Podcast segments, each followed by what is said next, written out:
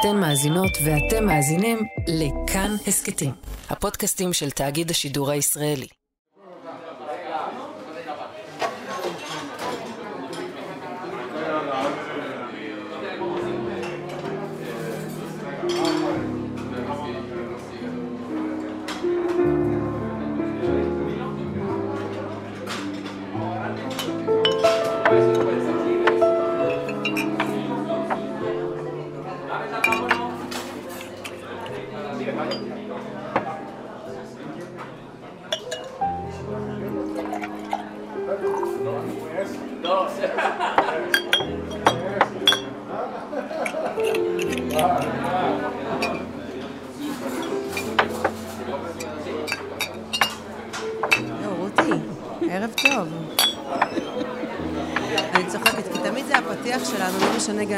נכנס אליי לבר ב-11 בבוקר. אה, באמת? אה, אוקיי, אז יאללה. מאחורי הקלעים, שעה עם רותי קרן על צידו הנסתר של עולם התרבות והאומנות. רותי, ערב טוב, מה שלומך? ערב טוב. כיף שבאת, רותי. מה אני יכולה להציע לך? איך את היום? לא יודעת עוד, נראה. בא לך לשתות משהו? האמת היא שנדמה לי שזו הפעם הראשונה שלי על הבר. בדרך כלל אלכוהול גורם לי אחרי לגימה אחת סחרחורת, וזה ממש מעצבן. חכי רגע, תני לי הזדמנות אבל, בכל זאת. אני לא אני דוקטור, אבל אני אוהבת, טובה אני בזה. אוהבת אלכוהול, אבל את יודעת, בשנות ה-20 שלי, שזה די מזמן, שתיתי פעם טקילה סנרייז, היה כזה דבר, נכון? אוקיי, אז ככה, תמיד סיפורים שמתחילים בטקילה, זה או הזיכרונות הכי טובים בעולם, או הזיכרונות הכי גרועים לא, אני בעולם. אוהבת טקילה, טקילה ספרייט אהבתי, אבל טקילה סנרייז הזה, היה לזה השלכות אה, נוראות. הטקילה שאת מתכוונת אליה, שהייתה פעם, היא אין לה קשר כמעט לטקילות שאנחנו מגישים היום, אז בואי תני לי הזדמנות. אולי אני אכין לך איזה מרגריטה, תמיד אני אוהבת להתחיל משם. מה את אומרת? בלאדי מרי אני אוהבת. בלאדי מרי? אהבתי שרי ברנדי ופונצ'ים וסנגריות, משהו מתוק, פירותי כזה חריף, או ש... אולי יש לך רעיון בשבילי. תקשיבי, אני אומרת בואי נתחיל עם איזה סנגריה קלילה. אוקיי, בואי נתחמם רגע, ניכנס לאווירה, נעשה לך איזה יין אדום, מחומם, עם קצת קינמון, אולי דבש וציפורן. נשמע נהדר. ניפתח רגע, ניכנס לצ'יל, ואז נתקדם. וואו, זה נשמע אז אני שם לך אחת על האש. קדימה. בסדר גמור. טוב, אז כמו שאתם מבינים, אנחנו במעין סימולציה כאן אה, באולפן לבר אה, אפלולי משהו.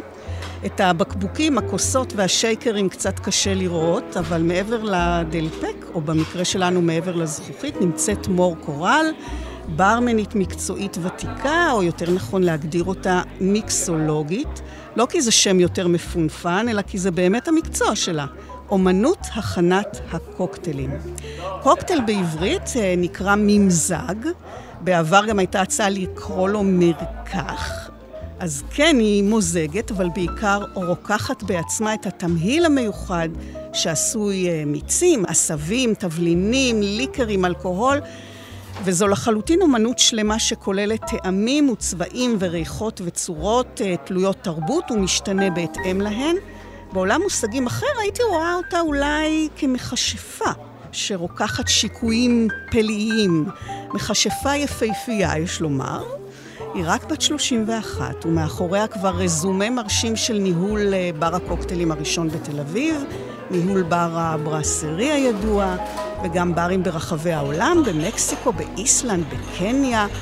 היום היא מספקת קוקטיילים שהיא רוקחת בחצר ביתה בתל אביב, לשפים ומסעדות.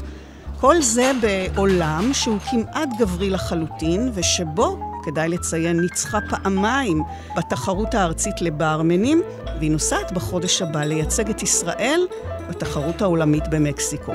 אז מה באמת קורה מאחורי הבר? מהו עולם הקוקטיילים? מתי נולד סוג המשקה הזה? ואיך מגיעים לנוסחה מנצחת? על כך נשוחח עם מור קורל היום ובשבוע הבא. אני רותי קרן, מגישה ועורכת. ארז שלום על הביצוע הטכני. אז שלום קורל. שלום, ערב טוב, או בוקר טוב. ערב טוב, בוקר טוב, אני זה כבר כבר... לגמרי, האמת, אני המשכתי כבר רצוף מהערב של אתמול, אז אני מבחינתי עדיין בערב טוב. טוב, אז מה תשתי? איך את היום? אני צריכה רגע מים, אם אפשר. אם אפשר, אה, כי ממש רק לפני כמה שעות סיימתי טעימות קוקטיילים בשני מקומות שאני עכשיו מריצה, אז אני אשמח רגע למים, תודה. יאללה, קחי לגימה. אבל אה, הבאתי לך שם כמה דוגמיות בצד, אז כן. ממש בדקות הקרובות נראה לי אנחנו- שאנחנו אנחנו- נקפוץ ראש כן. לתוך הבקבוק הזה. אבל מה בא לך? משהו מתוק ומנחם? משהו חמצמץ ומעורר? אני צריכה משהו מרענן, משהו שירים אותי קצת. אני די עסוקה בתקופה האחרונה, אני רצה הרבה, אני uh, עובדת, uh, האמת, מהבוקר עד הלילה, אז כשאני שותה, ואני שותה לאורך היום, אני רוצה משהו שירים אותי. אני רוצה... רגע, אבל זה נוסח קבוע של שאלות, או שזה בהתאם למי שיושב מולך? תראי, אני לא חושבת שיש ממש נוסח קבוע, כי בן אדם שמגיע אל הבר מגיע עם האנרגיה החד פעמית שהוא מביא איתו באותו רגע. את יודעת, יכול להיות שתשב מולי מישהי, ואני אפילו לא אשאל אותה. Mm. אני אגיד לה, אני שומעת? אני עושה לך רגע איזה דרינק. אהה. עכשיו, יכול להיות שגם תגיע מולי מישהי שאני כבר מכירה אותה כל כך טוב, או מישהו שאני יודעת בדיוק מה הוא אוהב, והוא מגיע עם אווירה מסוימת, שאני אומרת, שומע? אני לא עושה לך את הרגיל שלך. בוא, בוא נצא רגע מאזור הנוחות. היה לי לקוח אה, בבר בברסרי, שהוא היה מגיע כל אחר הצהריים, הוא היה מתחיל בשלוש-ארבע כוסות יין, וכבר מתקדם לארוחת ערב. זה כבר היה ריטואל אה, קבוע, איש מקסים. הוא הגיע איזה יום אחד וראיתי שהוא, שהוא לא הוא. שמשהו עובר עליו, שהוא בתוך הראש של עצמו, שהוא כזה תקוע בקופסה, הייתי חייבת לנער אותו. לשקשק לו, אותו. לשקשק אותו רגע. אמרתי לו, שומע? אז הוא, את יודעת, הוא מסתכל כבר על המדף של הכוסות יין ומצפה שאני אוריד לו את הכוס. אמרתי לו, זה לא יקרה היום, חכה. עשיתי לו דרינק אה, מנוער עם קמפרי, משהו מריר וקצת פירותי עם אננס, הייתי חייבת רגע לזעזע אותו. וואו. אז יש אה, משקאות שמתאימים למצבי רוח, את אומרת. אני חושבת שזה בעיקר היה רגע גורם ההפתעה. זאת אומרת. גורם ה... לא, אתה לא תקבל מה, שאתה. רגיל. בוא ננסה משהו אחר קצת היום. איך למשל את פונה לגבר שמתיישב מולך על הבר לפני כמעט שלוש שנים, ושאת מזהה שהוא לא אחר מאשר אה, טרנטינו? קודם כל, אני חושבת שקפאתי. לפני בכלל שפניתי אליו, נתתי את המבט הכי מאיים שיש לי לכל איש צוות שהיה שם בפלור, שכולם יבינו שאף אחד לא ניגש אליו, אלא רק אני, כי זה הולך להיות הדרינק, אם אני אהיה ברת מזל והוא יזמין קוקטייל, אז זה יהיה הדרינק הכי חשוב כנראה שאני אכין בקריירה שלי. כי? כי הוא ייקח אותי להוליווד. כי אני אה. סיימתי עם תל אביב, מה זאת אומרת? כי אני הולכת להיות הברמנית הפרטית של טרנטינו, זה לא ברור? וואו, ברור. ברור, לא? לגמרי. והוא יבין שאני כישרון מיוחד, הוא יגלה אותי, זה הרגע שלי. אז נבחתי על כולם, ואף מלצר לא העז להגיע אליו, ובטח לא הברמן שהיה לידי. וניגשתי אליו, וכל כולי רק קיוויתי שהוא יזמין דרינק. רק לא קולה זירו, רק לא קולה זירו, בבקשה. והוא אמר לי, "Uh, can you make a mescal margarita? אמרתי לו, מה? ברור. מסקל מרגריטה, it's my favorite. כבר הרגשתי שיש בינינו connection. הרגשתי שאנחנו מחוברים, זה הייעוד שלי, אני אומרת לך. זהו, ונכנסתי לבר ובחרתי את הליימים הכי טריים שעמדו שם על הדוכן, והסתכלתי רגע על ה display, והיה לנו שלושה סוגי מזכ"ל שונים, ואמרתי, רגע, אבל זה טיפה מעושן מדי, אבל זה קצת מינרלי, אולי נעשה איזשהו שילוב. ולקחתי את המזכ"ל, וקצת סירופ אגבה סמיך, ואת הליים הכי טרי שבדקתי ככה לפי הקליפה שהוא הכי ירוק והכי ריחני, ובמלוא תשומת הלב מזגתי את הכל לתוך השייקר, שקשקתי, מזגתי את זה לכוס הכי מקוררת שהייתה לי במקפיא, דרך מסננת כפולה, כמובן, שלא יהיה אף גרגיר של קרח מיותר בדרינק הזה. ככה מהשאריות של השייקר נתתי לברמן שלידי לטעום את פאר היצירה. גם בשביל להיות בטוחה וגם ככה בשביל קצת להשוויץ, במעשה ידיי להתפאר. את יודעת, הוא אמר לי, בסדר, את יודעת, זה מרגריטה, זה בסדר. הייתי קצת בשוק, טעמתי בעצמי, ולא לא הצלחתי לטעום כלום. זה היה לי מר מאוד ומתכתי, ואמרתי, אוי. רגע, אולי משהו פה לא עובד, אולי זה. אולי המזכ"ל, זה היה בקבוק לא נכון, אולי הליים הזה מקולקל, אני טועמת שוב. נותנת לבר, אומר לי, כן, כן, מרגריטה רגילה, מה את רוצה? זה מרגריטה, בסדר, נתתי לו מרגריטה. אני לא מבינה, הלקוח בינתיים מחכה, וזה לא עוד לקוח, אני מסננת אותה לכוס, מוזגת לו, מחזיקה אצבעות, מבולבלת. תראי, הוא נהנה, הכל בסדר. הוא שותה, הוא מבסוט, כמובן, אני ציפיתי שהוא יעמוד וימחא לי כפיים, זה לא קרה, אבל בסדר, הוא נהנה מהדרינק שלו, הוא הזמין עוד אחד ועוד אחד, ורק בדרינק הרביעי, אני מבינה שיש פה בעיה, שאני באמת לא מריחה כלום. אני באמת לא מצליחה לטעום חמוץ ומתוק, יש לי טעם של בטריה, ואני מבינה שכנראה נדבקתי בקורונה. וזו הפעם שאני מבינה את זה במרגריטה הכי חשובה שאני מכינה בחיים שלי. כנראה שהיא הייתה בסדר. אני, תראי, טרנטינו גר בארץ, אולי הוא הבין שאין לו מה להציע לי פה. אז הוא בחר אה, לא להמשיך את מערכת היחסים בינינו. אבל אה, זו הייתה כנראה המשמרת האחרונה שלי בברסרי. כי? כי כבר נכנסנו לתקופה של סגרים, והייתי חולה, והייתי בבידוד, וכזה. ואז גם הברסרי נסגרה לתקופה. אז אה, שם פחות או יותר נגמר הפרק שלי שם. והתחילו ו... פרקים חדשים. היום הזה שאתם סוגרים את הבר, איך באמת נראה בר ריק? אני חושבת uh, שבמיוחד בבר כמו הברסרי, שאני הכרתי באמת מגיל מאוד מאוד צעיר, אני גדלתי שם על הבר, והברמנים שם היו בעיניי אה, אגדות חיות. המקום הזה היה פתוח 24 שעות, שבעה ימים בשבוע, לאורך שנים. אני לא חושבת שהבר הזה היה אי פעם סגור עד אותו היום. ובאמצע מרץ 2020, זה היה ממש יום סוריאליסטי. אני זוכרת שהזמנו את כל הברמנים, את כל הצוות, ב-11 או 12 בצהריים. פירקנו את כל המדפי כוסות, הורדנו כוס-כוס לתוך ארגז, הורדנו את הבקבוקים. ממש אה, הפשטנו את הבר מכל uh, זהות שהייתה לו. פתאום זה היה ערימה של רהיטים וההמרה הגדולה המפורסמת, והיה בזה משהו uh, מצמרר. לא כל כך נעים לראות כן, בר סגור. כן, אה? טוב, אז להוליווד לא הגעת. טרנטינו לא- בינתיים. לא... טרנטינו לא הפך אותך למיקסולוגית הפרטית עוד שלו. עוד יש לו הזדמנות. נכון, הוא פה בארץ. הוא פה בארץ, ואנחנו עוד נתראה. אני בטוחה. אבל את הגעת להרבה מקומות אחרים על הגלובוס, ואגב, בר ריק מאנשים, ייתכן שבשביל מפורסמים, דוגמת טרנטינו, זאת האופציה המועדפת דווקא, וההזדמנות שלך, אם לא להגיע להוליווד, אז אולי אה, להפקה נוצצת במקום אחר. כן, אז זה באמת היה בבר ריק, בתקופה שחייתי בניקרגואה. חייתי שם בעיירת uh, מטיילים קנדים ואמריקאים, וניהלתי בר קנדי בניקרגואה. כן, כזה מוזר. באיזה ערב אחד הבר היה ריק לחלוטין, כי כולם היו במסיבה. באזור אה, שמונה, שמונה וחצי בערב, נכנסים חבורה של אה, חמישה גברים חמודים, נעים, לא צעירים, מאוד מאוד uh, טוקטיב, רואים שהם כזה רק רוצים לבוא ולדבר ולשתות. מאוד מהר התחברנו אליהם. אחד. הציג את עצמו בתור ג'ף, הוא סיפר שהוא uh, שחקן, הוא עובד בתעשיית הסרטים, סדרות בארצות הברית. הם הציגו את עצמם בתור uh, תסריטאים, כותבים. אנחנו היינו בנות 21 או 2, בדיוק סיימנו צבא, הם שאלו אותנו על החיים בתל אביב ועל הצבא, והחלפנו חוויות, והם סיפרו לנו על הילדים שלהם.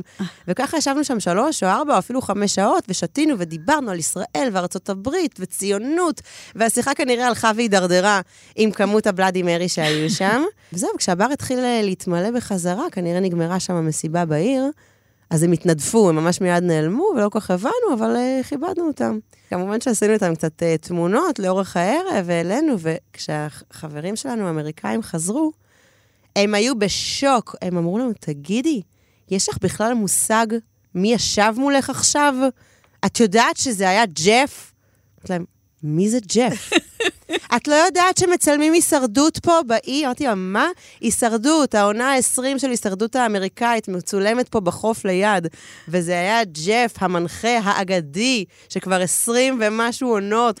אה, מנחה את הישרדות, והוא כנראה היה כוכב אה, ועדיין. מטורף בארצות הברית, לי לא היה מושג מי זה הבן אדם הזה, אבל אני חושבת שמה שהיה שם מיוחד, זה באמת ההזדמנות שניתנה לבן אדם, שהוא כנראה אחד האנשים הכי מפורסמים בארצות הברית ובעולם, להיות קצת אנונימי, ולקבל חוויה של פשוט עוד לקוח שמגיע לבר ומדבר עם הברמנית. Mm-hmm.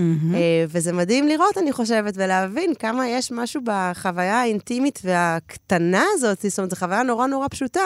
כן. שבן אדם שבאמת כנראה יש לו הכל, ובוודאי יש לו ברמנים פרטיים ושפים פרטיים וטבחים ונהגים וזה וזה, רק רוצה רגע להיכנס לבר ולהיות כאחד האדם. בעצם ישיבה על הבר היא סוג בילוי, או תרבות בילוי, שלכאורה במרכזה משקה אלכוהולי. נכון. אבל למעשה זו חוויה חברתית, שהמשקה הוא חלק ממנה. אנשים לא מפחדים להגיע לבד, אולי בדרך כלל מגיעים לבד, זה מקום להפיג בדידות. נכון.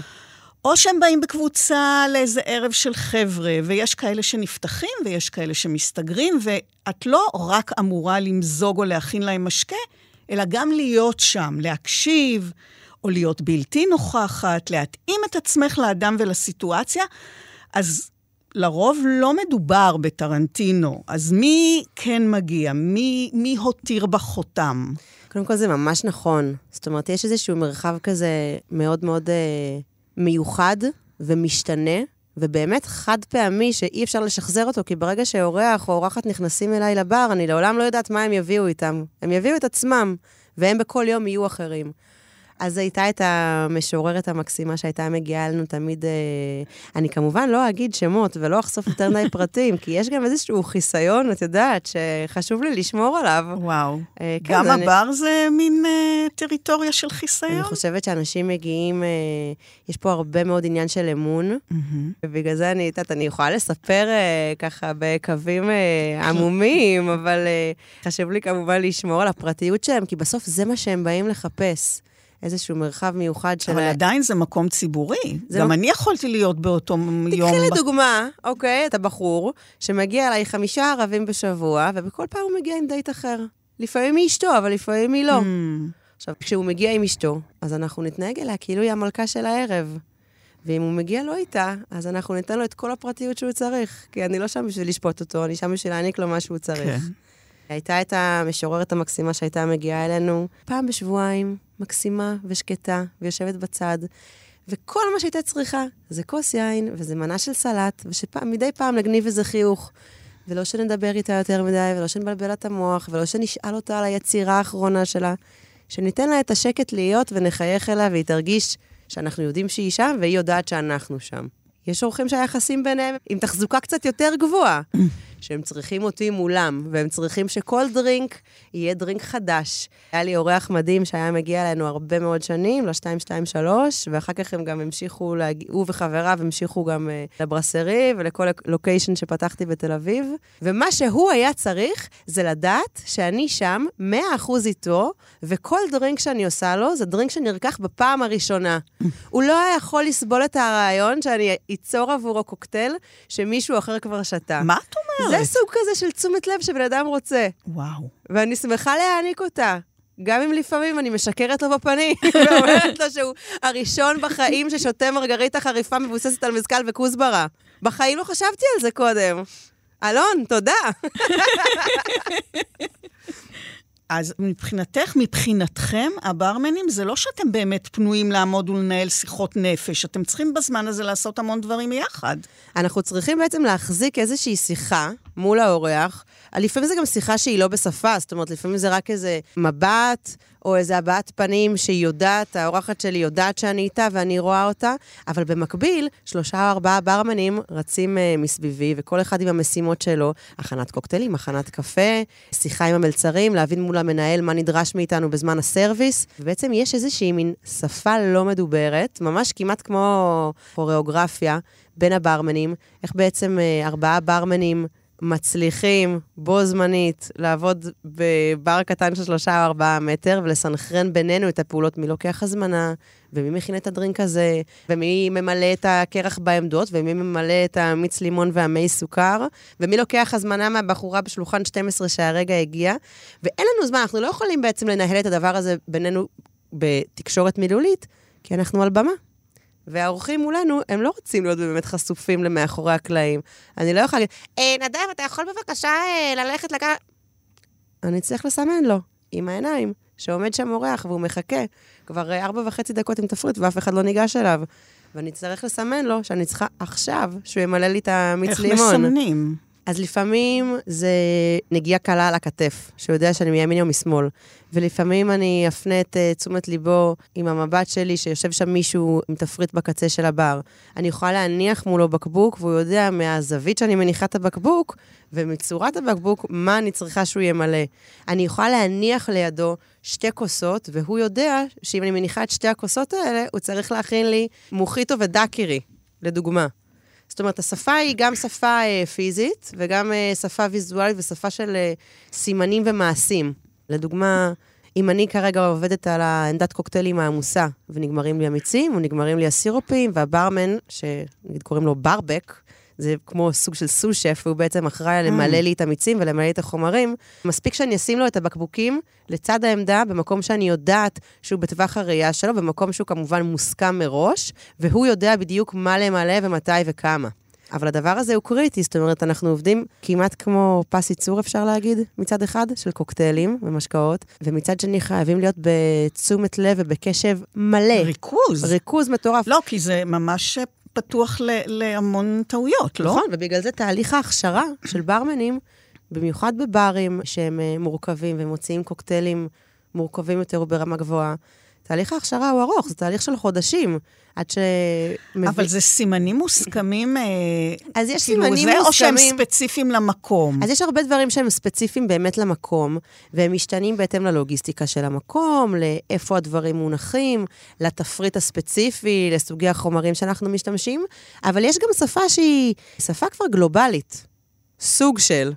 יש עדיין קצת פערי שפה גם, לדוגמה, אני זוכרת שעבדתי עם אה, ברמנית אמריקאית, ואצלנו, בתל אביב, וכנראה גם בהרבה מקומות בעולם, אם אני עוברת מאחורי ברמן, נהוג אה, לטפוח תפילה קלה כזה על הכתף ולהגיד לו מאחוריך, או בקס, תלוי במקום, בשביל שהוא ידע שאני עוברת מאחוריו עם כוסות ודברים, ושלא תהיה תקלה. אני חושבת שגם במטבחים עושים את זה. כנראה שהברמנית הזאת שהגיעה מניו יורק, שם אה, מגע בין, בין חברי צוות, זה דבר קצת פחות פופולרי.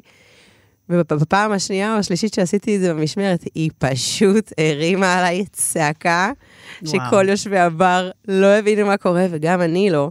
אבל הבנתי שזה כנראה היה איזשהו פער בתקשורת הלא מילולית הזאת ביני לבינם. ואז הבנתי שגם uh, שפה של uh, ברמנים כנראה תלויה במקום, ותלויה בתרבות, ותלויה בזמן, ולוקח לוקח רגע להבין אותה, לוקח רגע ליצור את השפה הזאת שהיא הכרחית. בזמן משמרת, כי אנחנו חייבים להבין אחד השני בגלל המורכבות של העבודה, ריבוי הפעולות והדברים השונים שבעצם uh, מסיחים את דעתנו.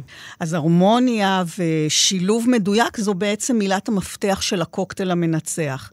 הסברנו את משמעות השם בעברית, אבל מהי באמת מהות המשקה הזה, שבעצם קיים מראשית קיומו של המין האנושי? לגמרי. בני האדם הראשונים כבר הם שתו מה שאנחנו מכנים היום קוקטיילים. הם גילו את האלכוהול, אנחנו הרי לא המצאנו את האלכוהול, האלכוהול הוא חומר שמתפתח בטבע באופן טבעי, כשפרי או כל דבר עם קצת אה, סוכר תוסס ונוצר בו אלכוהול. בני האדם גילו את הדבר הזה, את הפלא הזה, שהם לא ידעו אפילו להצביע עליו, עוד הרבה לפני המהפכה החקלאית, עוד בתקופת הציידים ולקטים. הלכו שם בג'ונגלים וביערות ומצאו כל מיני פירות שתססו, נוצר בהם אלכוהול, והם גרמו להם להרגיש ממש ממש טוב. וואלה. אבל מה, היה להם טעם של פירות רקובים, כי מה. לעשות, זה מה שזה היה. אז הם רצו נורא לצרוך אותם, רצו נורא לצרוך את הקסם הזה שגורם להם להרגיש כל כך טוב, אבל היו חייבים קצת לשפר את הטעם שלו. זאת אומרת, מה את אומרת? שאם אני אקח אה, עכשיו איזה פרי רקוב, אז אה, הוא יהיה, ייתן לי להרגיש טוב? תראי, אלכוהול מתפתח בהחלט בתהליך של תסיסה. תהליך של תסיסה זה סוג של ריקבון. כשהפרי מדבר- נהיה חמוץ כזה, נכון? נכון. עכשיו, כשעושים את זה היום בצורה מבוקרת, אוקיי, תחשבי לדוגמה על ייצור של יין. מה זה בעצם יין אם לא ענבים תוססים? כן. הרי מאז, לפני uh, עשרות אלפי שנים, כנראה שבני אדם רק התחילו לצרוך את הדבר הזה ועד היום, הושקעו מאמצים, זמן, כסף בפיתוח של uh, טכנולוגיות וברכישת ידע בשביל להתמקצע בדבר הזה של ייצור אלכוהול שהוא יותר איכותי, יותר טעים, יותר מענג לשתייה. אז ברור שהיום ייצור יין לא מדובר על ענבים מקולקלים, אלא על משהו שעובר... Uh, לא, אני סתם שואלת, אם, אה, אם אה, נשארים לי פירות רקובים במקרר, אם זה ייתן לי להרגיש טוב, כמו שאת אומרת שקרה ל- להרגיש טוב לאדם וגם, וגם הקדמון. להרגיש רע מאוד. כן, זהו. כי חוץ מאלכוהול, כנראה שהתפתחו שם גם בקטריות וחי... וחיידקים. האנשים הראשונים, כשהם גילו את האלכוהול, הטעם שלו היה די גרוע. הוא לא היה טעים, הוא לא היה האלכוהול שאנחנו מכירים היום. אז הם הוסיפו קצת פירות טובים, אולי קצת דבש, קצת עשבים, קצת תבלינים שהם מצאו בסביבה שלהם, ובעצם הכינו את הקוקטיילים הראשונים, שהמטרה שלהם הייתה באמת, וואלה, לדפוק את הראש. כמובן שלאורך השנים ולאורך הדורות, הדבר הזה התקרב הרבה יותר לתרבות קולינרית, וגילינו שגם אפשר ליצור אה, טעמים נהדרים. מעבר רק לאפקט של ההשתכרות, ברור שגם גילינו שאנחנו גם נהנים מהטעם, ובעצם התפתחה כל התרבות הזאת של ייצור וצריכה, שהוא מאוד מאוד אה, תלוי מקום, תלוי זמן, תלוי תרבות. אז בעצם מתפתחים סוגים שונים של שיכר עם הבדלים מובחנים בין אה, יבשות, אירופה, במקום- אסיה. נכון, אז במקומות שונים בעולם מייצרים את השיכר, שזה בעצם אותו חומר גלם בסיסי שתוסס והופך לסוג של אה, בירה או יין או סאקה. אנחנו מבינים שיש משהו במוצר הזה, בכל המסה הזאתי, שהוא לא גדול והוא אחוז מסוים, היום אנחנו יודעים שהוא מגיע ל-10 או 14, מקסימום 16-17 אחוז, אבל אנחנו רוצים יותר ממנו. אנחנו רוצים לזקק את הדבר המדהים הזה שקורה לי בתוך היין ולצרוך אותו. בני אדם ממציאים כל מיני טכנולוגיות לזיקוק המשקאות האלה, בעצם להפרדה של האלכוהול, של הקסם הזה שנמצא בתוך המסה של השיכר. לא סתם קוראים לספיריט ספיריט, זה הרי הנשמה של השיכר. Mm. מוצאים דרך להפריד את הנשמה הזאת מתוך היין וליצור תזקיקים. ככה בערך לפני אה, אלף שנה מתחילה להתפתח קטגוריה חדשה בעולם האלכוהול, קטגוריית הספיריטים, התזקיקים. וודקה, ג'ין, רום, טקילה, mm. וויסקי, ברנדי, כל הטעים הזה. גם הדברים האלה כמובן מתפתחים אה, במקביל במקומות שונים בעולם, בהתאם לכל מקום והתרבות ההיסטורית והתנאים הפוליטיים, והמון המון דברים שמשפיעים על ההתפתחות של המוצרים השונים במקומות שונים.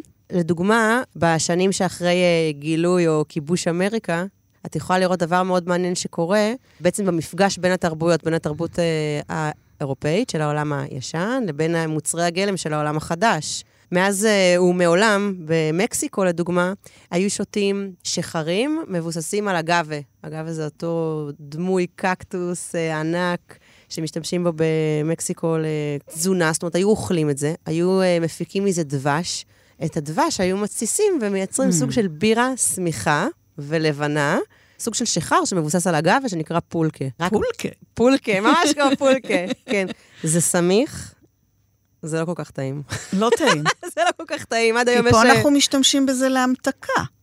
באגב, נכון. נכון. זה, זה נראה כמו קקטוס, אבל mm. מבחינה בוטנית זה יותר קרוב למשפחת האספרגוסים. אחרי כיבוש אמריקה, כשאירופאים מגיעים לניולנד, הם מביאים איתם את הידע ואת הטכנולוגיה של זיקוק, שהייתה קיימת באירופה, אבל לא הייתה קיימת עד אז באמריקה, ובעצם לוקחים את המוצר הזה, את האגווה, ומזקקים אותו למוצר חדש. טקילה, מזכ"ל, כל מיני ספיריטים מבוססי אגווה, שבעצם mm-hmm. רק במפגש הזה בין התרבויות, שהאירופאים הביאו את הידע והטכנולוגיה של זיקוק, ובמקסיקו מצאו את חומרי הגלם המקומיים, נוצרו בעצם המוצרים החדשים האלה של תזקיקי האגווה. אותו דבר לדוגמה עולם הרום. רום, שזה תזקיק שמבוסס קנה סוכר, קנה הסוכר בכלל המקור שלהם הוא אה, מזרח אסיה. כשאנשים מתחילים uh, לשוט בעולם ולגלות מדינות, מתחילים גם הכיבושים, אז האירופאים נוטעים קנה סוכר באזור הקריבי, זאת אומרת באמריקה החדשה, במקומות שהתנאים הגיאוגרפיים והמזג אוויר היה מאוד דומה למזרח uh, אסיה, אז הם נוטעים נטו לצרכים כלכליים, כן? סוכר mm-hmm. היה דבר מאוד יקר באותו זמנים. עיבוד של קנה סוכר זה דבר נורא נורא קשה, זו עבודה מאוד מאוד מסיבית, עבודה שאף אחד לא היה רוצה לעשות חוץ מעבדים, שאין להם ברירה. מתחיל יבוא גדול מאוד, על ידי אירופאים כמובן, של עבדים מאפריקה ליבשת אמריקה, עבור התעשייה הזאת של סוכר, וגם רום, בלי כל הסיפור הזה של נטיית קנה הסוכר והבאת עבדים מאפריקה לאמריקה החדשה, כל תעשיית וקטגוריית הרום בכלל לא היה קיים. מה את אומרת? אז באמת כדי להמחיש עד כמה מדובר באומנות ובאספקט תרבותי, הבנתי ממך שתרבות הקוקטיילים מחולקת לתקופות ממש כמו באומנות, תור הזהב, התקופה החשוכה, הרנסאנס, העת החדשה. לגמרי. אז מה בעצם יכול כבר להשתנות? הטעמים, הנראות, החוויה מסביב, אז... או חומרי הגלם והטכניקות להכנה? תראי, אני חושבת שכמו סוגים אחרים, ז'אנרים אחרים של אומנות, גם uh, תחום הקוקטיילים או תרבות הקוקטיילים זה אומנות או קראפט, שמושפעת כמובן מהנסיבות של הזמן והמקום שבו היא מתקיימת. אז אם דיברנו קודם על אה, בני האדם הראשונים, הציידים לקטים ששתו איזה אפרסק רקוב עם קצת אה, דברים אה, שימתיקו אותו, אז כמובן שלאורך השנים והדורות הטכנולוגיה מאוד מאוד מתפתחת, ומתחילה להתפתח תרבות סביב אופן הצריכה שלהם. עכשיו, אם יש תקופה מאוד מעניינת, תקופה שמכונה גם על ידי היסטוריונים של קוקטיילים והיסטוריונים של אוכל, תור הזהב של הקוקטיילים. מדברת על אמצע המאה ה-19, 1850 עד 1900 בארצות הברית. עכשיו, יש כל מיני תרבויות אה, שמיוחסות נורא לאירופה המערבית, אה, אדריכלות, עיצוב, מוזיקה קלאסית, אבל אם יש משהו שאי אפשר לקחת מהאמריקאים, זה שהם עיצבו לנו את תרבות הקוקטיילים כמו שאנחנו מכירים אותה עד היום. ארה"ב, מדינה חדשה יחסית. יש הרבה הגירה גם מאזורים כפריים לתוך הערים הגדולות שמתהוות, ניו יורק, לוס אנג'לס, שיקגו, סן פרנסיסקו, ניו אורלינס, גם הגירה בעצם בתוך ארצות הברית, אבל גם הגירה של אנשים מחוץ לארצות הברית. הרבה פעמים המהגרים האלה, דווקא חבר'ה צעירים, לפעמים זה גברים שבאים לעבוד בעיר, הרבה פעמים זה אנשים שמגיעים לבד. מה עושים כשמגיעים לבד לעיר חדשה? יוצאים לשתות. Mm. בעלי הברים מבינים שיש פה פוטנציאל, שיש פה שוק שהולך וגדל. הם מבינים שהם צריכים להשקיע מאמצים בשביל לוודא שהלקוחות ישובו ויחזרו אליהם. אז איך הם עושים את זה? דרך אחת כמובן זה הקוקטייל עצמו. הם רוצים שהקוקטיילים יהיו מדויקים וטעימים, וגם אה, גרנדיוזיים ומרשימים בצורת ההגשה שלהם. פתאום מתחילים להופיע קוקטיילים עם גרנישים, עם חתיכות של פירות, וננות, ותבלינים, ועשבים, ובכל מיני כוסות מפונפנות. מדברים על 1850 וקצת, כן? מבינים שהברמנים, מעבר לזה שהם צריכים להגיש אה, משקאות מעולים, הם במרכז תשומת הלב של ההתרחשות. הם על הבמה, כל העיניים נישאות אליהם. הם מתחילים להתלבש יפה, עם בגדים מיוחדים ומכופתרים ומפונפנים, עם שלייקסים וכל מיני אביזרים ואקססוריז, הם מגדלים ספמים, mm. מבינים שהם אה, צריכים להכיר את האורחים שלהם, לדבר איתם, מפתחים כל מיני uh, טכניקות של uh, בידור, בין אם זה בדיחות או בין אם זה להקשיב למי שמולך. כמובן שדברים הם קורים בצורה אותנטית, אבל במיוחד שאתה מבין, ואני חושבת שגם אני הרגשתי את זה על הבשר שלי, בתור ברמנית, שנלחמת על כל אורח, ואני חושבת שזה משהו שהוא בטבע הברמני, לפחות מהתקופה ההיא ועד היום. לראות מי האורח שלך, להבין שאתה צריך ממש לכבוש אותו. Mm-hmm. להבין שאתה צריך לתת לו את מה שהוא צריך ואת מה שהוא רוצה בשביל שהוא או היא יחזרו אליך. עוד דברים שמאפיינים את התקופה הזאת, שבעצם אפשרו לתרבות הזאת אה, לפרוח אחרי המהפכה התעשייתית. כלי בר נהיה דבר זמין, זאת אומרת, שייקרים, מסננות, מדלרים, ג'יגרים, כל מיני דברים ממתכת ומברזל. לא צריך לייצר אותם אחד-אחד, אלא יש אפשרות טכנולוגית לייצר אותם בצורה פשוטה יותר, והם יותר זמינים. אגב, הכלים האלה לא כל כך השתנו מאז ועד היום. אנחנו עדיין עובדים בתעשיית הלואו-טק, אין מה לעשות. וגם האלמנט של קרח. עד אז לא היה קרח. אה. אנשים היו שותים, תחשבי, קרח היה מוצר לעשירים בלבד, שהיו מביאים להם אותו במיוחד ויוצרים ממנו כל מיני אה, גלידות ושלגונים וסוגים של ברד, אבל זה היה ממש לקשרי, נדיר. כשהקרח מתחיל להגיע לברים, אנשים מתחילים לשתות קוקטיילים הרבה יותר דומים למה שאנחנו שותים היום. לפני זה היו שותים אה, דברים שאנחנו מכירים מהמסיבות אצל הדודות, נכון? כל מיני קערות פונץ' כאלה, פחות קוקטיילים אישיים, אלא יותר כן. פונצ'ים גדולים, כן. בטמפרטורת החדר. תחשבי או על... אה, חם. או חם. תדמייני שתייה של אה, רום, לא מדהים, בטמפרטורת החדר, עם Mm. קצת מיץ. כזה. כן. היו מחלקים השקעות כאלה בנמלים, בירידה וביציאה מאוניות, בכניסה למסיבות, אבל באמת העניין של התפתחות הקוקטייל האינדיבידואלי, שברמן מכין קוקטייל אחד עבור אורח, זה משהו קצת יותר מאוחר שמאפיין את uh, השנים 1850 והלאה. רגע, ודיברת קודם, הזכרת את העניין של הכשרת ברמנים, אז איך בכלל יודעים מה לעשות? איך, איך עובר ה... ביוטיוב. הכל ביוטיוב. לא, אנחנו סתם, מדברות... סתם, אני צוחקת. אז בתקופה ההיא, תקופת uh, תור הזהב, 1850 עד אה, 1920, הקוקטיילים מתפשטים בעיקר בארצות הברית, קצת כמו תושבע, זה היה סוג של תורה שבעל Mm. פה. ברמן מכשיר את הברמן האחר ואומר לשומע, אני שם מנה של זה, חצי מנה של זה, שים לי בסוף איזה ננה מלמעלה. הלקוח ההוא ששתה את זה בלוס אנג'לס נסע לניו יורק וסיפר בניו יורק שהברמן ההוא הכין לו וזה, ואם אפשר ל- לעשות עבורו גם כן משהו שהוא קצת על ברנדי וקצת מתוק וקצת מריר, ובעצם זה סוג, כמו מיני שמועות. עכשיו, ב-1862, זו שנה מאוד מאוד ספציפית, קם המיקסולוג, או הברמן, כנראה הכי ראוותן והכי גאוותן מכולם, קראו לו ג'רי תומאס, ועד היום מכונה הפרופסור של הברמנים. אה, בעצם כתב בפעם הראשונה את המנואל, זאת אומרת, את החוברת אה, עבודה לברמנים. הוא איגד את כל התושבע הזאתי וליטש אותה, וממש כתב ספר, אוקיי? מדריך לברמנים, שמחולק על פי קטגוריות ועל פי מוצרים, והוא עשה סקירה מאוד מאוד מאוד מסודרת של כל אה, כלי הבר והקבוצות השונות של הקוקטיילים, ואיך בדיוק מכינים כל משקה לפי מתכון מדויק, כולל איך מכינים את הסירופים ואת האשריות, וכמה זמן לשקשק ובאיזה כוס להגיש. ברמת וואלה. דיוק כזאתי. תנ"ך של הברמנים. הוא לקח את התושבע הזאתי והפך אותה לדיסציפלינה. כן. הדבר הזה גם כמובן נתן בוסט מאוד מאוד גדול לתרבות הזאת באותה תקופה להמשיך ולשגשג בתור הזהב. כל היופי הזה Mm. נגמר בערך ביום בהיר אחד, למרות שהכתובת הייתה על הקיר. ב-1920 ארה"ב מחליטה על פרוהבישן, תקופת היובש, שמעת על זה, אני מניחה. כן. אוקיי. כמה סרטים, מאפיות, ביום בהיר אחד, תחשבי שבארצות הברית אסור לשתות, אסור לייצר, אסור למכור, אס... אסור לבלות. עכשיו, הדבר הזה היה כל כך uh, מהותי, כל כך uh, בליבם ובנפשם של האמריקאים, את לא יכולה באמת להעלים תרבות אחת ביום. סליחה, זה לוקח אותי למה שקורה היום במדינה. עולות לי דמעות. אי אפשר ביום אחד למחוק תרבות שלמה, גם לא באמצעות החוק, גם אם אתם הרוב. בכל מקרה, האמריקאים עושים כל דבר חוץ מלהפסיק לשתות. חלקם יורדים לספיק איזיז, ברים מחתרתיים, כמובן לא חוקיים. אז אם הם לא חוקיים, אז הם מופעלים על ידי המאפיה, אז המאפיה מאוד מאוד מתחזקת. אסור uh, לייצר אלכוהול בארצות הברית, אז תחום ההברחות של האלכוהול מהגבולות, מקנדה וגם ממקסיקו, אפילו מאירופה, המאפיה מבריחה המון אלכוהול לארצות הברית. כמובן שרמת הפשיעה עולה, כי בעצם כל מי ששותה נחשב עבריין, אז כולם עבריינים. ואל תתבלבלי, בברים האלה, בספיק איזי כולם יוצאים לבלות שם, אוקיי? אנשים מכל המעמדות, וגם פוליטיקאים, וגם שוטרים, כמובן, אף אחד לא הפסיק לשתות.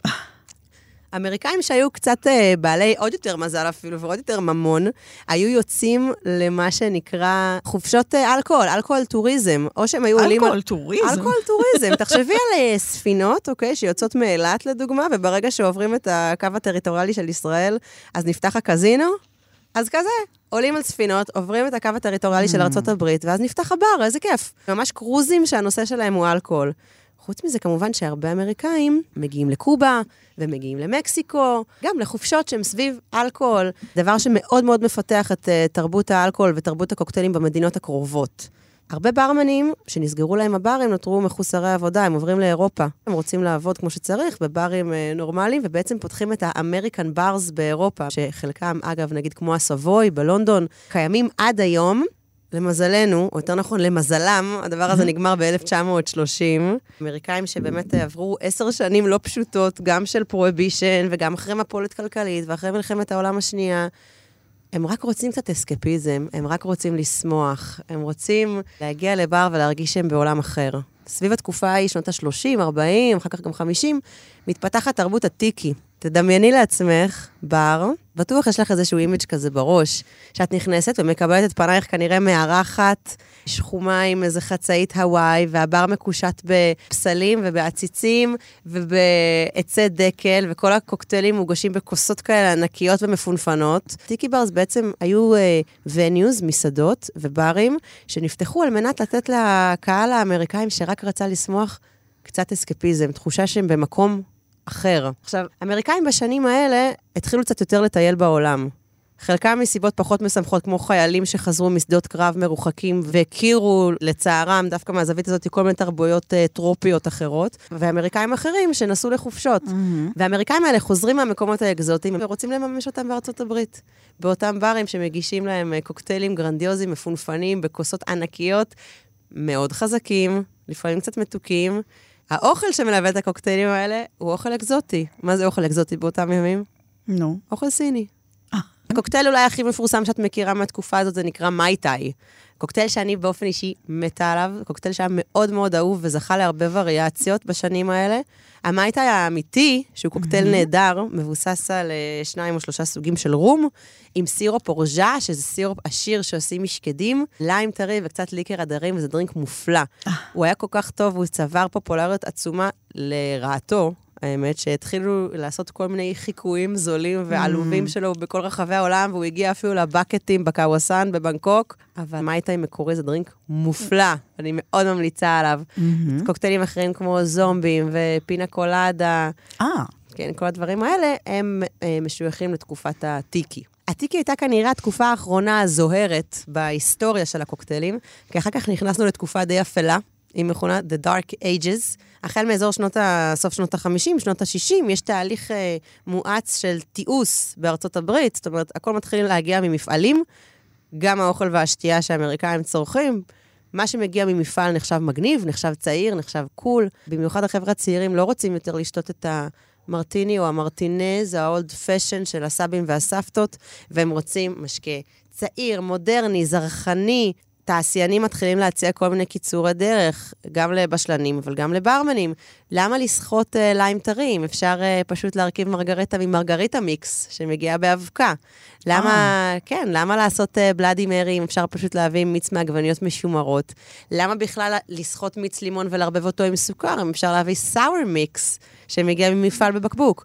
כל מיני קיצורי דרך כאלה שמאוד מאוד הרחיקו את הקראפט הזה מעבודת היד, מהחומרים הטבעיים, מרכיכת הסירופים, מהמלאכה האמיתית מאחורי העולם. ולאורך עשרות שנים, התרבות הזאת הייתה הרבה יותר מבוססת על באמת מוצרים תעשייתיים, ליקרים תעשייתיים, חומרי טעם וריח מזויפים, צבעי מאכל שנוספו uh, לליקרים בשביל uh, לתת להם איזשהו מראה מגניב, קול כזה. כל הירוקים והכחולים כל האלה. הירוקים והכחולים והזוהרים. אבל היו כאלה, אני חייבת להגיד לך, בחתונה שלי היו כאלה. והם נורא טעימים, הירוק והכחול הזה. תראי, מתוק זה טעים. אה, אוקיי. אפשר להגיד שלא, כן? וזה נורא יפה. רותי, גם מקדונלדס זה טעים. זה טעים, אפשר להגיד שלא, אנשים אוכלים את זה, זה טעים להם, אבל זה לא אומר שזה תרבות קולינרית. כן. לשמחתנו, באזור שנות ה-90, ברמנים וחובבי אלכוהול רציניים מתחילים לגלות מתכונים עתיקים. Mm-hmm. ספרי קוקטיילים היה דבר מאוד מאוד פופולרי. גם אחרי כן. ג'רי תומאס ב-1862 יצאו אלפי אה, חוברים ומתכונות וספרים שיש לנו עד היום, שתיעדו את התקופות השונות, וככה בעצם אנחנו יודעים ללמוד על התרבות הזאת. מתחילים uh, קצת להוריד את האבק מהתרבות הזאת שהייתה רדומה לאורך עשרות שנים, ומתחילים לנסות לשחזר את המתכונים העתיקים האלה, את הסירופים שהם בעבודת יד. הם מנסים להתחקות אחרי הטכניקות, השקשוקים המיוחדים. אני חושבת שהבר הראשון שממש החזיר לתודעה את uh, תרבות הקראפט קוקטיילס, היה בניו יורק, ה-PDT, Please Don't Tell. זה בר שנפתח בהשראת תקופת הפרוהבישן, כלומר בר uh, סודי, שמגיעים אליו דרך uh, חנות נקניקיות קצת מסריחה, דרך איזה תת טלפון, כזה נראה כמו תת, תת טלפון ציבורי בתוך חנות נקניקיות, שנותנים שם איזה קוד סודי בכניסה, ורק מי שיש לו את הקוד יכול להיכנס. וואו. ממש כמו בשנות ה-20. הבר הזה היה הצלחה, ובעקבותיו עוד ועוד ברמנים מתחילים להתעניין גם באומנות המיוחדת הזאת של עשיית הקוקטיילים הקלאסית כמו שהיא הייתה, אבל גם הקטע הזה, קצת הגימיקי הזה, של ה-please don't tell, של הסודיות, של הספיקאיזיות. למה אבל של... זה היה כל... צריך להיות סודי?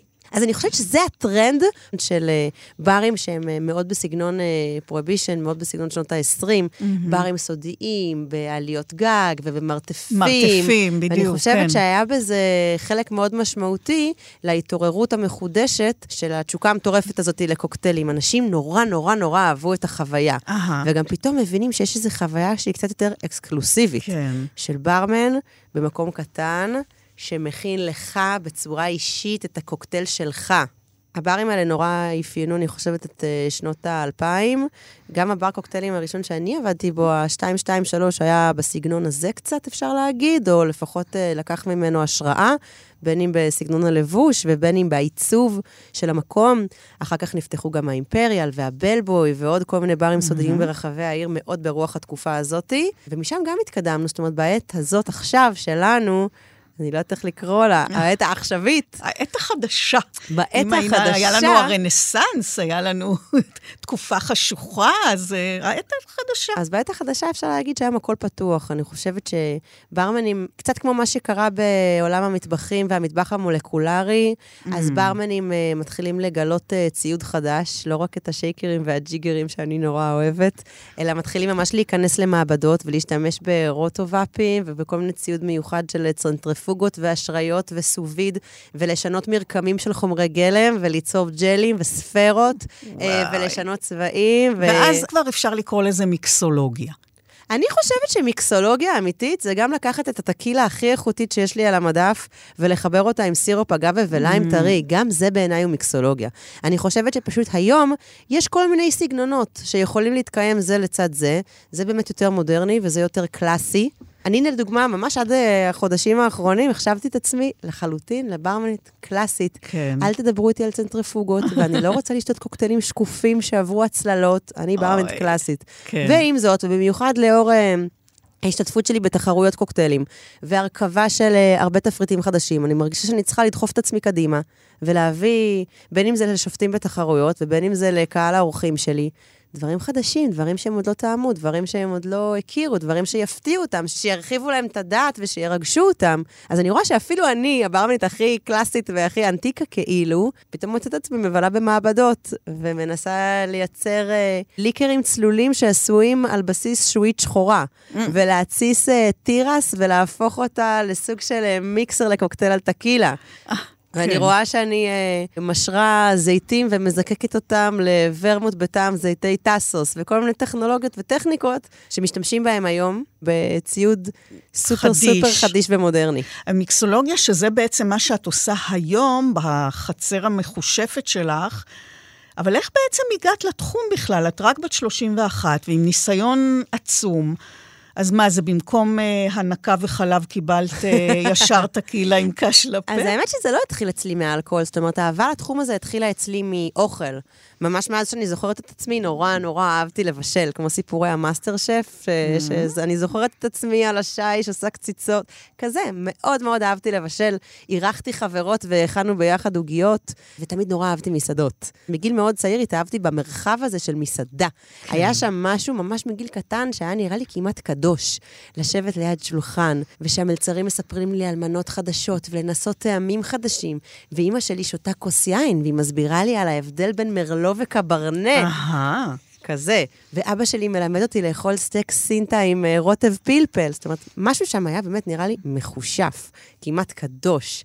כשהייתי קצת יותר גדולה, בגיל 14-15, אני זוכרת שזה נשמע קצת מצחיק, אבל החלום שלי היה להיות מלצרית. נורא רציתי כבר שיקבלו אותי לעבודה הזאת. תראי, הלוואי והייתי יכולה להגיד לך שמגיל צעיר הייתי ענינת טעם גם בתחום האלכוהול, אבל האמת היא ממש לא כזאת. אני חושבת שהניסיון הראשון שלי עם אלכוהול היה סביב גיל...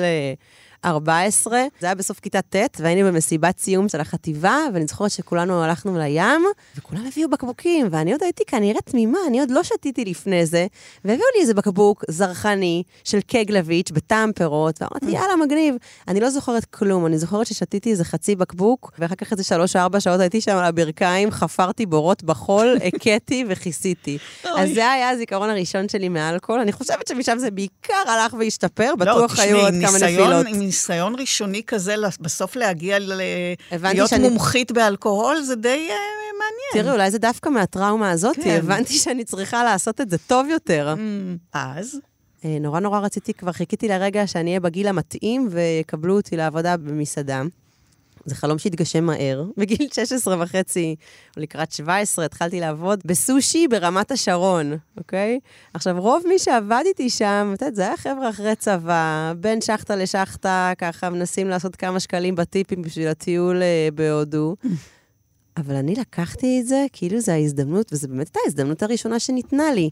היה לי שם uh, מנהל מדהים, מקצוען אמיתי, שלימד אותי ממש את הבסיס של התחום, איך להחזיק מגש, ואיך לפלש כוס יין, ואיך לפתוח בקבוק יין, ואיך לדבר על יינות. קוראים לו בן, ואני חולה עליו, והוא ואני, היה לנו סוג של uh, כמעט עולם דמיוני כזה, שיצרנו לעצמנו, אני חושבת, של כאילו אנחנו עובדים במסעדת משלן, אה. למרות שכולם סביבנו היו סטלנים, והיה שם בנגים מוחבאים במחסן, אבל לי זה לא היה אכפת. אני מבחינתי קיבלתי את ההזדמנות הראשונה שלי, ולמדתי שם המון על, אה, על יין ועל דגים ועל איך בכלל לדבר עם אורחים ואיך לעמוד אפילו במרחב של מסעדה. שם הכנת את המשקה הראשון בעצם? כן, שם אה, פעם הראשונה שדרכתי מאחורי בר זה היה שם, הייתי בכלל מלצרית, אבל כנראה היה מחסור בכוח אדם. אז מה הכנת? בעיה שלא קורית היום.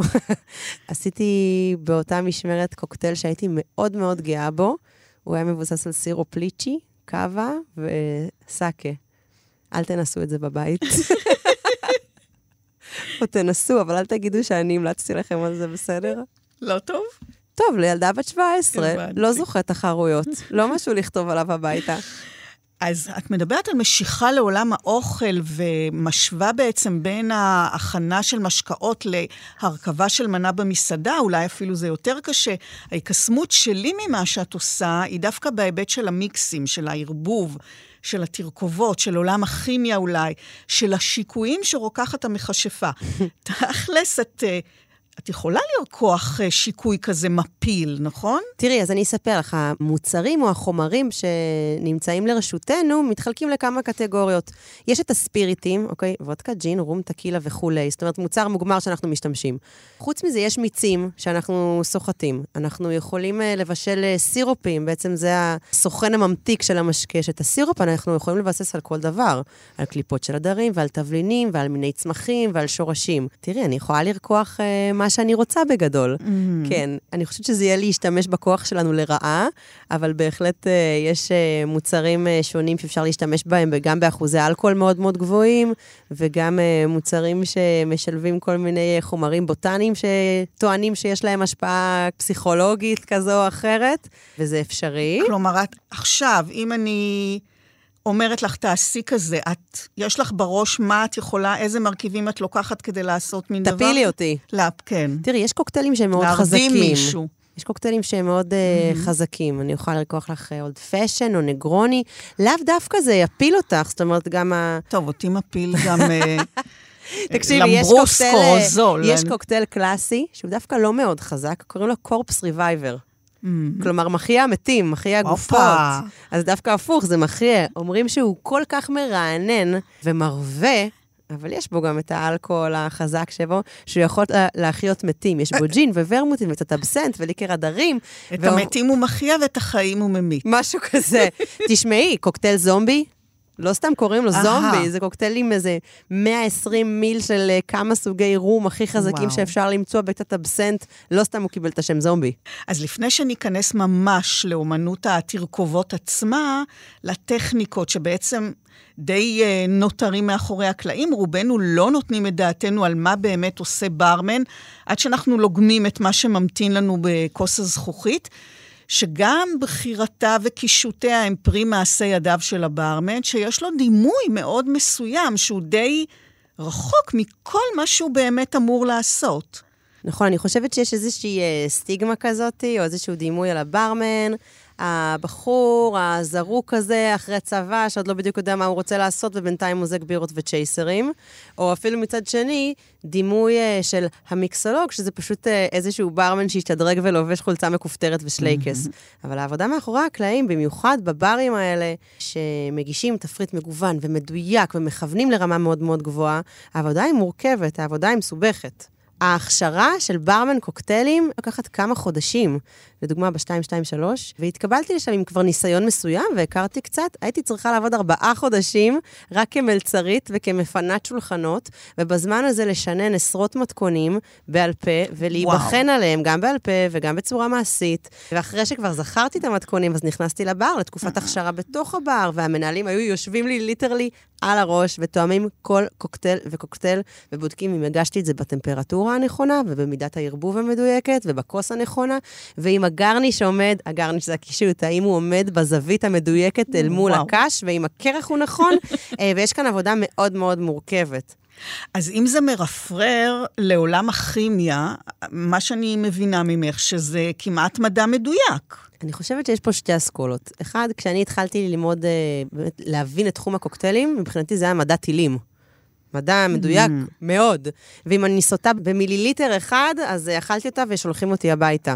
זה מתחיל באמת בשינון המתכונים, זאת אומרת שאני יודעת את המינונים המדויקים של אה, כמה וודקה וכמה פסיפלורה וכמה סירופ וכמה טיפות מהביטר אני מכניסה לשייקר, ואחר כך זה עובר לאיזה סוג של קרח אני משתמשת, ומה יחס אה, שטח הפנים של הקרח, האם זה קרח בגושים גדולים או קרח קטן, באיזה שייקר אני משתמשת, האם זה שייקר קטן של שלושה חלקים או טינטין גדול, כי כל הדברים האלה משפיעים בסוף על התוצאה הסופית. איך אני תופסת את השייקר, באיזה זווית אני משקשקת אותו, וכמובן כמה זמן, mm. דרך איזה מסננת אני מסננת את הדרינק.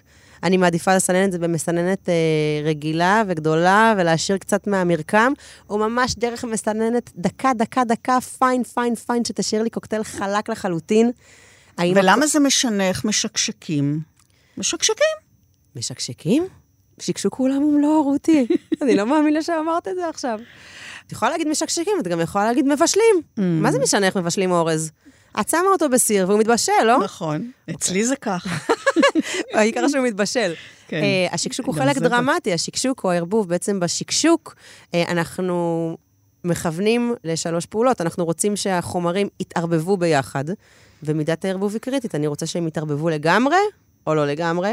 אני מחליטה את מידת המהילה, כלומר, אה, כמה מים אני מכניסה לדרינק, שזה דבר חיובי, אחרת יש לי רק אה, ג'ין ומלפפונים ובזיליקום ולימון וסוכר, אבל זה נורא נורא מרוכז. זה לא נעים עד שאני לא מכניסה מים ומוהלת, וגם כמובן, הדרינק צריך להיות קר. הקרח בעצם אחראי בשקשוק על אה, שלושת המרכיבים של מהילה, כמה מים אני רוצה להכניס, על ערבוב המרכיבים ביחד, הקרח חוזר למרכיבים אה, להתמזג ביחד בפעולת השקשוק, והקירור כמובן, בדרך כלל נרצה לכוון לדרינק כמה שיותר כן. קר. אז בעצם שילוב של מיומנויות, ניסיון, הבנה וגם כישרון. ורגש. באמת, אני, אני אגיד היום שאני מחזיקה שייקר, אז אני, בגלל שאני מדריכה ואני מכשירה ברמנים מקצועיים, אני חייבת למצוא את הדרך אה, להסביר את זה במילים. זאת אומרת, לתת להם איזה שהם אה, חוקי אצבע. תשקשקו עשר שניות בזווית הזאת והזאת. אבל אני יודעת שבסוף, עם הניסיון שלהם, הם יבינו את זה לבד. זאת אומרת, יש איזשהו כן. מומנט כזה שאני יודעת שהדרינק מוכן. זה משהו שאני לא לגמרי יכולה עד הסוף להסביר, להסביר. להם במילים, אבל הם יבינו. איך אני יודעת שעכשיו זה מוכן, כן. אבל יש לך את זה כנראה, כי עובדה, בעוד חודש את נוסעת לייצג את ישראל במקסיקו, בתחרות העולמית. יואו, אני לא מאמינה. זה היה החלום שלי להגיע לשם, באמת. ובמקסיקו, את קצרת את אחת ההצלחות הגדולות שלך, אפשר לומר, מול אה, ברמנית מאוד מפורסמת שם, שהגיע להתקיל אותך עם בקשה חריגה. נכון. אז הייתה לי תקופה במקסיקו, שעבדתי שם בבר מדהים, על החוף, והיינו די uh, ידועים בעיירה שם, בטולום, כי היינו בעצם uh, נבחרת של ברמנים מכל העולם. אני הייתי היחידה מישראל אז. אז הרבה ברמנים בחופשה היו מגיעים אלינו ככה קצת לבחון אותנו. עכשיו, זה היה בר מיוחד, כי לא היה לי, כמו במקומות אחרים, רשימה של מתכונים או תפריט מסודר, אלא זה נקרא בספוק קוקטייל. האורחת או האורח מגיעים אליי, ובעצם בוחרים את הדרינק, קצת אה, עשה זאת בעצמך, רק שאני עושה את זה בשבילם, כן. אז הם צריכים לבחור את סוג הספיריט ואת הפירות ואת הסגנון. וניסתה להתקיל אותי עם שילוב שבאמת אה, לא יצא לי להכין עד אז, של קוקוס וכוסברה. היא אמרה לי, תכיני לי דרינק מתוק על בסיס קוקוס וכוסברה. עכשיו, זו הייתה ברמנית אמריקאית, די מתוקתקת ומוכרת בתחום, עם uh, כמה עשרות uh, אלפי עוקבים באינסטגרם, ממש מישהי שאני לא רוצה להביך את עצמי מולה, ואז היא תוקעת לי את הקוקוס והכוסברה הזה, ומה לזה נמרץ עם שני המרכיבים האלה? ודי קפאתי, וגם הייתי צריכה מאוד להוכיח את עצמי שם בבר, כי הייתי די חדשה. ואז ממש כזה, תוך כדי הלחץ, אבל נפלה עליי ההשראה, אמרתי, רגע, קוקוס וכוסברה. זה שילוב טעמים די קלאסי במטבח התאילנדי.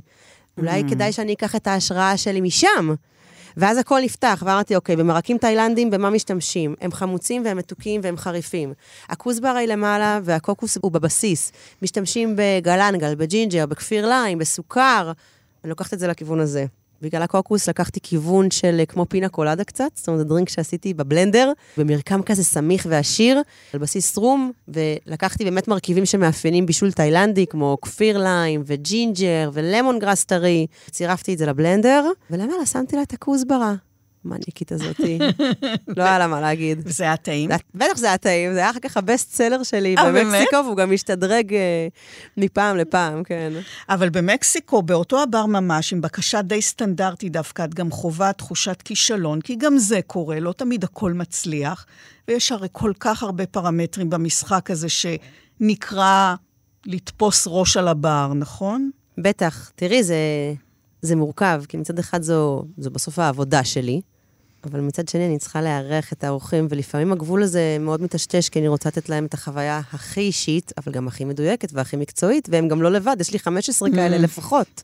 אז בעצם יש שם נקודת מפגש מעניינת בין האורח, שבסוף הוא בא לנוח, הוא בא... כי הוא רוצה שמישהו ייקח עליו קצת אחריות. הוא בא בשביל קצת להרגיש אסקפיזם, איזשהו הבדל מחיי היום-יום. ומהצד שלנו, יש פה הרבה שילוב של, אה, אני חושבת שזה ממש נקודת המפגש בין אה, עולמות הקולינריה וחומרי הגלם, לתרבות הבילוי. והשואו-ביז, כי בסוף אנחנו בקדמת הבמה. אז אנחנו ניקח לנו מנוחה קלה עכשיו, נשתה משהו, כי הבאת לנו טעימה קטנה. קדימה, כבר 11 וחצי. בלילה. ונשוב... זהו, שזה מטשטש, נכון? איפה אני? לא יודעת. אה, נשוב עם חלקה השני של התוכנית כדי להתוודע באמת לכימיה, לתרכובות, לטכניקות, לכלי העבודה, לפציעות של ברמנים, גם זה קיים, ולחשיבות של הכושר הגופני, לאספקט החברתי, הבין-אישי, האינטימי, לבניית תפריט ועיצוב סגנון אישי, לתחרויות ולחוויות, כמובן שלך, מור קורל. תודה רבה לך. תודה רבה. בתוכנית מאחורי הקלעים שוחחנו היום על אומנות הקוקטיילים. תודה לברמנית המיקסולוגית מור קורל, אני רותי קרן מגישה ועורכת. חלקה השני של התוכנית ישודר בשישי הבא בשש, השידורים החוזרים בשבת וברביעי בשתיים בצהריים, וכמובן בהסכת, באתר כאן ובספוטיפיי, שם גם תוכלו לדרג את התוכנית ואת כל התוכניות הקודמות. להתראות. הייתי בחור ביישן לא מנוסה עם נשים. אמרו לי ישנה אחת, אומרים אצלה זה חופשי.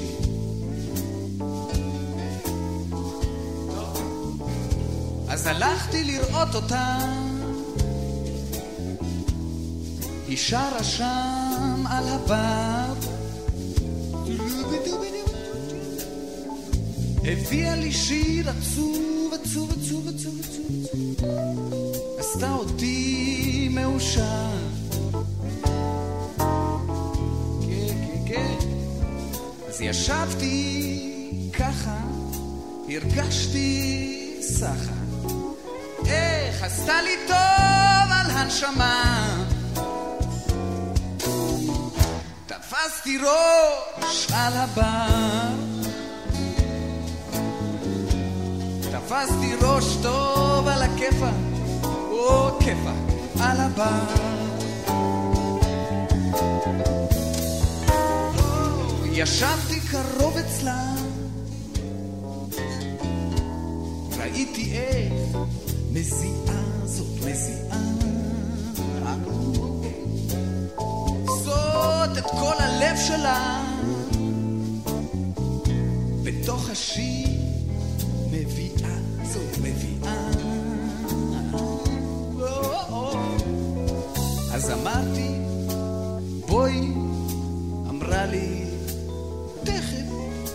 התיישבתי לחכות לה בפינה.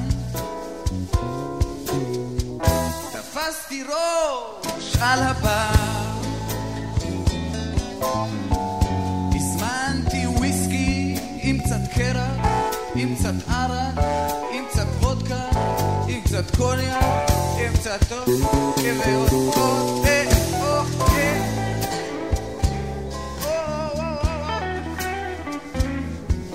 או,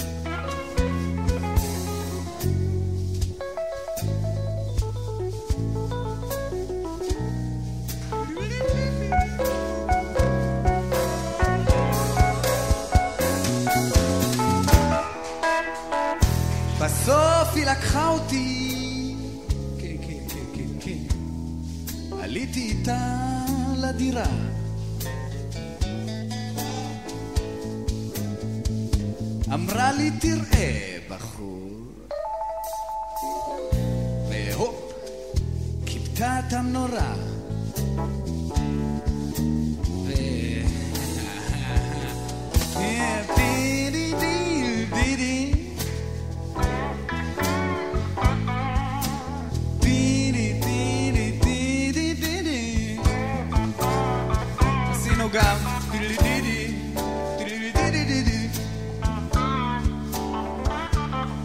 Dan ga ik aan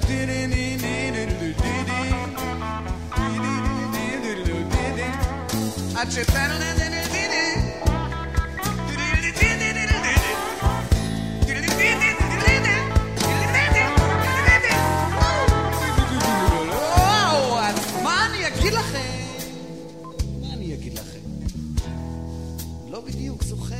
מה שם קרה.